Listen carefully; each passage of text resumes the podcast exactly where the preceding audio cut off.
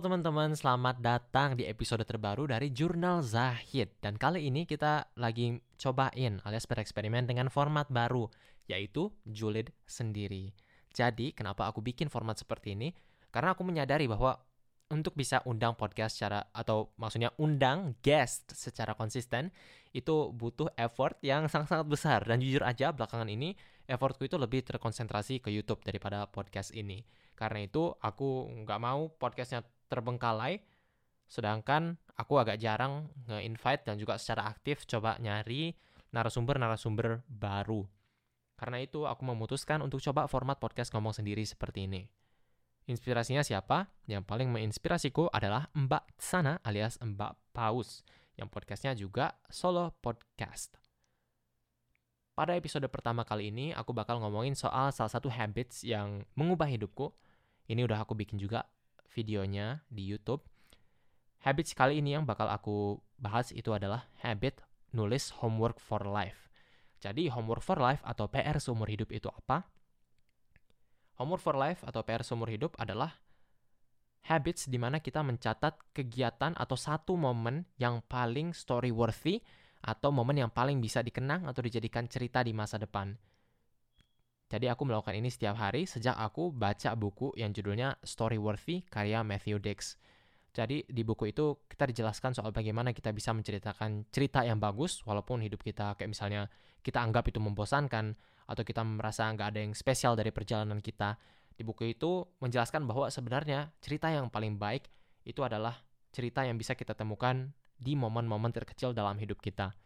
Misalnya ketika kita lagi jalan ke dapur, terus lihat ibu kita lagi masak dan kita berlumuran air mata.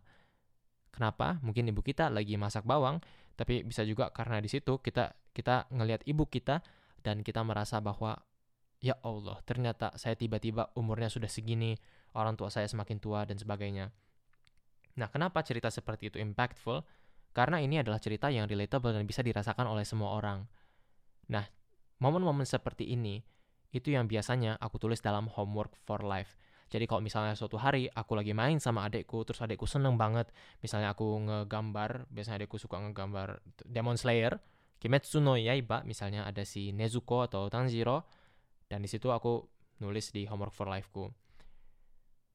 Kenapa ini sangat-sangat impactful bagi diriku? Karena aku merasa bahwa dulu sebelum aku memulai habits ini, yang sering terjadi pada hidupku itu adalah aku melupakan momen-momen yang harusnya sangat-sangat valuable. Kayak misalnya banyak sekali, kayaknya bertahun-tahun dari hidupku itu rasanya aku nggak tahu lagi ke mana karena aku nggak ada trigger untuk mengingatnya. Mungkin bisa lewat foto, dan memang bisa karena di Homework for Life ini aku juga melakukan itu. Tapi kalau misalnya lewat foto saja, yang harus kita lakukan adalah menyeleksi satu foto setiap harinya. Sedangkan kalau misalnya di HP, yakin apa kita mau se manage-nya sebaik itu. Misalnya ngambil satu foto per hari atau terlalu ngapus-hapus atau ngebikin album per hari ya mungkin oke okay juga dan ada re reminder tentang Google Photos dan seperti itu. Tapi ya itu itu cerita lain lah. Untuk cerita kali ini di Homework for Life ini yang aku lakukan adalah aku nge ngebuat page Notion. Ini juga bisa di Google Spreadsheets atau apa pun itu yang ada tabel-tabelnya. Jadi di sini ada dua kolom atau kolom atau kolom ya kolom. Jadi di kolom pertama itu tanggalnya. Misalnya kemarin itu tanggal 3 Agustus 2021. Terus di sampingnya itu kolom entry atau story worthy moment apa yang muncul pada hari itu. Misalnya kemarin tanggal 3 Agustus, itu malam aku lagi ikut kelasnya Ali Abdal, salah satu program community workshop dari Part-Time YouTuber Academy. Ya memang biaya masuknya mahal, tapi kayaknya worth it banget sampai saat ini Hmm, terus di situ Ali Abdal ngundang temennya yang namanya Olier. Olier ini juga YouTuber teknologi dan semacamnya begitu. Dan di sini aku tulis dalam bahasa Korea, sekalian aku latihan belajar bahasa. Ini aku tulisnya 심장이 두근거린데 자신이 돼서 질문이 물어봤어요. Nah, ini artinya adalah kemarin hatiku itu dugun-dugun alias deg-degan, tapi kemudian aku jadi pede aja. Aku langsung pencet tombol raise hand pas aku lagi deg-degannya, dan habis itu ternyata aku jadi percaya diri dan takut atau deg-degannya itu cuma mungkin 3 atau 5 detik sebelum aku melakukan momen besar yaitu raise hand. Setelah itu aku biasa aja dan aku berhasil mem memberikan pertanyaanku dengan baik. Kemudian di Homework for Life ini tanggal 23 Juli 2021 aku juga ngecatat misalnya itu kebun umiku dietak di dietak diserang sama sekumpulan atau segerombolan babi hutan. aku tahu dari mana karena salah satu dari tetanggaku itu punya CCTV di depan rumahnya dan ternyata kebunnya juga jam jam 1 atau jam 2 pagi gitu diserang sama kayak 7 atau 8 babi hutan yang gede-gede gitu. Mungkin sama anak-anak yang kecil juga. Dan di situ ada kayak security yang yang datang untuk ngusir mereka. Cuma ya kayaknya habis itu ke rumahku dan itu kayak tanaman bunga umiku itu langsung jadi kayak apa ya? Mungkin ada kayak 3 4 meter yang tanaman bunga yang cukup indah kemudian jadi kayak tanah atau akar-akarnya tuh udah pada itu semua muncul semua mungkin karena uh, itu binatangnya lagi pada nyari makanan biasanya cacing dan semacamnya gitu terus juga pada hari itu itu aku masih inget itu lagi hari Jumat dan di masjidnya itu aku nyium kayak bau yang sering aku cium waktu aku masih kecil itu juga aku catat di sini. Dan habis aku pulang dari masjid itu aku ada kelas di italki dan di situ aku cerita ke guru di italki-nya tentang Islam. Dan aku itu aku tulis di sini. Gimana ceritanya aku bisa cerita tentang Islam? Itu karena hari Jumat aku kelasnya habis sholat Jumat dan ibunya nanya uh, katanya sebelum kelas ini kamu tadi ngapain dulu dan aku jawabnya tadi aku pergi ke masjid dan nampaknya ibunya emang nggak begitu familiar dengan Islam karena setauku eh, Islam itu di Korea itu cuma kurang dari satu persen Nah, jadi ya karena itu ibunya banyak bertanya-tanya dan aku juga dengan senang hati menjelaskan dan ya ini juga salah satu momen yang yang sangat menyenangkan bagiku. Kenapa? Karena hmm, walaupun aku senang sebenarnya belajar semua bahasa di YouTube channelku itu di setiap aku bikin video tentang bahasa asing pasti ada aja komentar yang katanya, "Oh, kamu harus belajar bahasa Arab nih karena kamu harus lebih kenal dengan Islam dan sebagainya." Aku setuju dengan, dengan itu dan mungkin kalau misalnya untuk diriku sendiri dengan bisa memahami bahasa Arab itu aku bisa memperdalam keyakinanku. Tapi aku rasa kalau misalnya kita belajar bahasa lain, kita juga bisa berkontribusi untuk agama. Kalau misalnya emang tujuannya itu.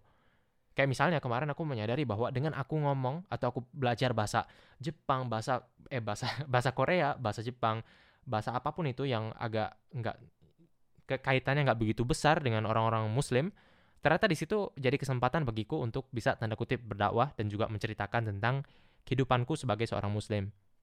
Kayak misalnya kemarin uh, ibu uh, ibu guruku di Italki itu cukup kagum atau terkaget ketika aku bilang aku sholat lima kali dan aku harus bangun setiap subuh dan ya kayaknya kalau misalnya orang kalau dibayangkan ibu itu itu sesuatu yang akan sulit untuk dilakukannya dan aku cerita tentang banyak sekali aspek-aspek cultural, cultural atau kebudayaan dan juga dari praktek uh, keagamaan di dalam Islam. Tentunya itu adalah momen yang cukup berharga bagiku.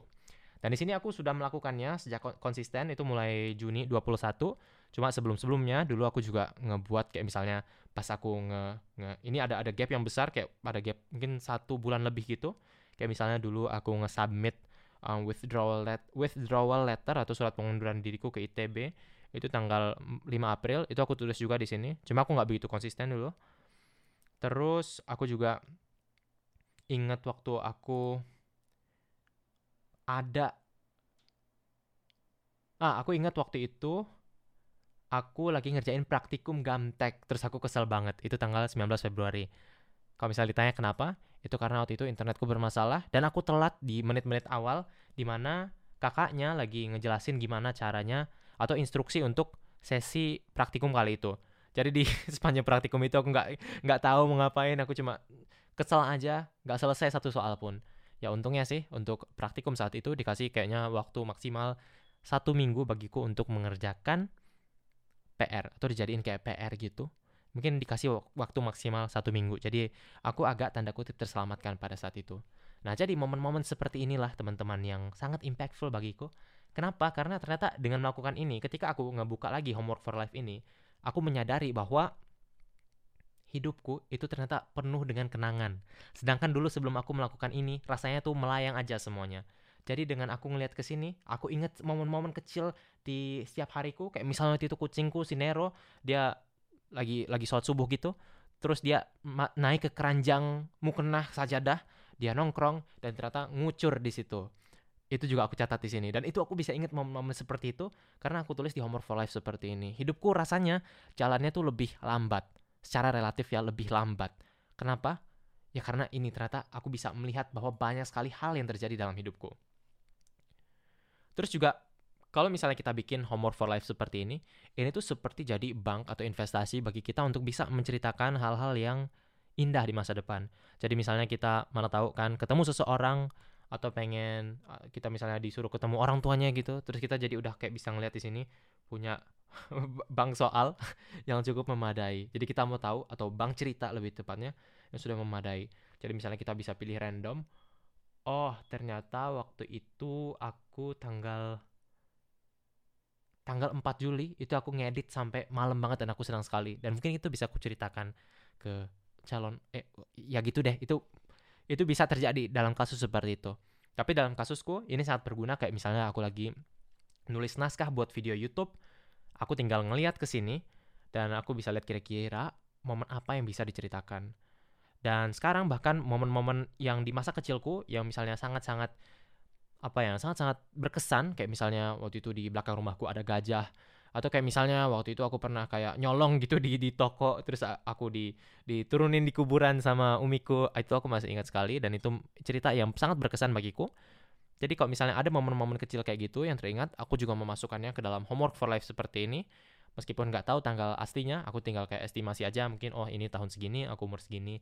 Dan ya, kalau misalnya sekarang ini juga sangat ini juga sangat membantuku sekarang saat aku lagi menulis bukuku karena aku bisa melihat kembali ke ke fase-fase di hidupku apa saja yang terjadi kemudian ada momen-momen transformatif apa saja yang kira-kira bisa aku angkat jadi cerita yang indah karena itu teman-teman supaya hidup kita terasa lebih lambat dan kita bisa lebih lebih agar kita lebih bisa merecall kenangan kita selama kita hidup, memulai habits homework for life ini sangat-sangat membantu. Gimana caranya? Tinggal aja bikin spreadsheet, tabel di Notion, di aplikasi Notes, terus tulis di sebelah kiri tanggal dan di sebelah kanan entry-nya atau story worthy moment apa yang terjadi pada hari ini. Ini adalah salah satu habits yang mengubah hidupku dan aku saran sarankan teman-teman mencobanya setidaknya selama satu bulan dan lihat perubahan apa yang akan terjadi. Tentunya ini juga butuh waktu untuk dipelajari dan dan dibiasakan. Kayak misalnya, ini ada beberapa cerita yang yang menurutku terlalu general yang aku nggak tahu ini kenapa aku tulis di sini. Kayak misalnya biasa aja. Kayak misalnya tadi aku ngomong soal had so much fun editing till late at night. Maksudnya ini nggak ada, itu nggak menurutku nggak terlalu story worthy karena itu terlalu generic. Tapi ini momen ketika aku waktu itu telepon Olive dan telepon guru bahasa Korea aku itu aku ngomong tentang beberapa hal yang cukup touching juga karena ya pengalaman-pengalaman kami dan itulah momen-momen yang bisa aku ingat yang dan yang cocok untuk masuk ke story worthy moment di sini. Yang jelas itu butuh latihan dan seiring berjalannya waktu kita akan semakin jago dalam membedakan mana momen-momen yang story worthy dan mana yang kurang. Terima kasih teman-teman karena sudah mendengarkan Jurnal Zahid dengan podcast baru seperti ini silakan kalau teman-teman mau membantu vote atau kasih rating di Apple Podcast supaya podcastnya bisa semakin terangkat dan terekspos ke lebih banyak orang. Dan tentunya teman-teman juga bisa tinggalkan komentar positif lewat akun-akun sosial mediaku. Terima kasih sekali lagi. Wassalamualaikum warahmatullahi wabarakatuh.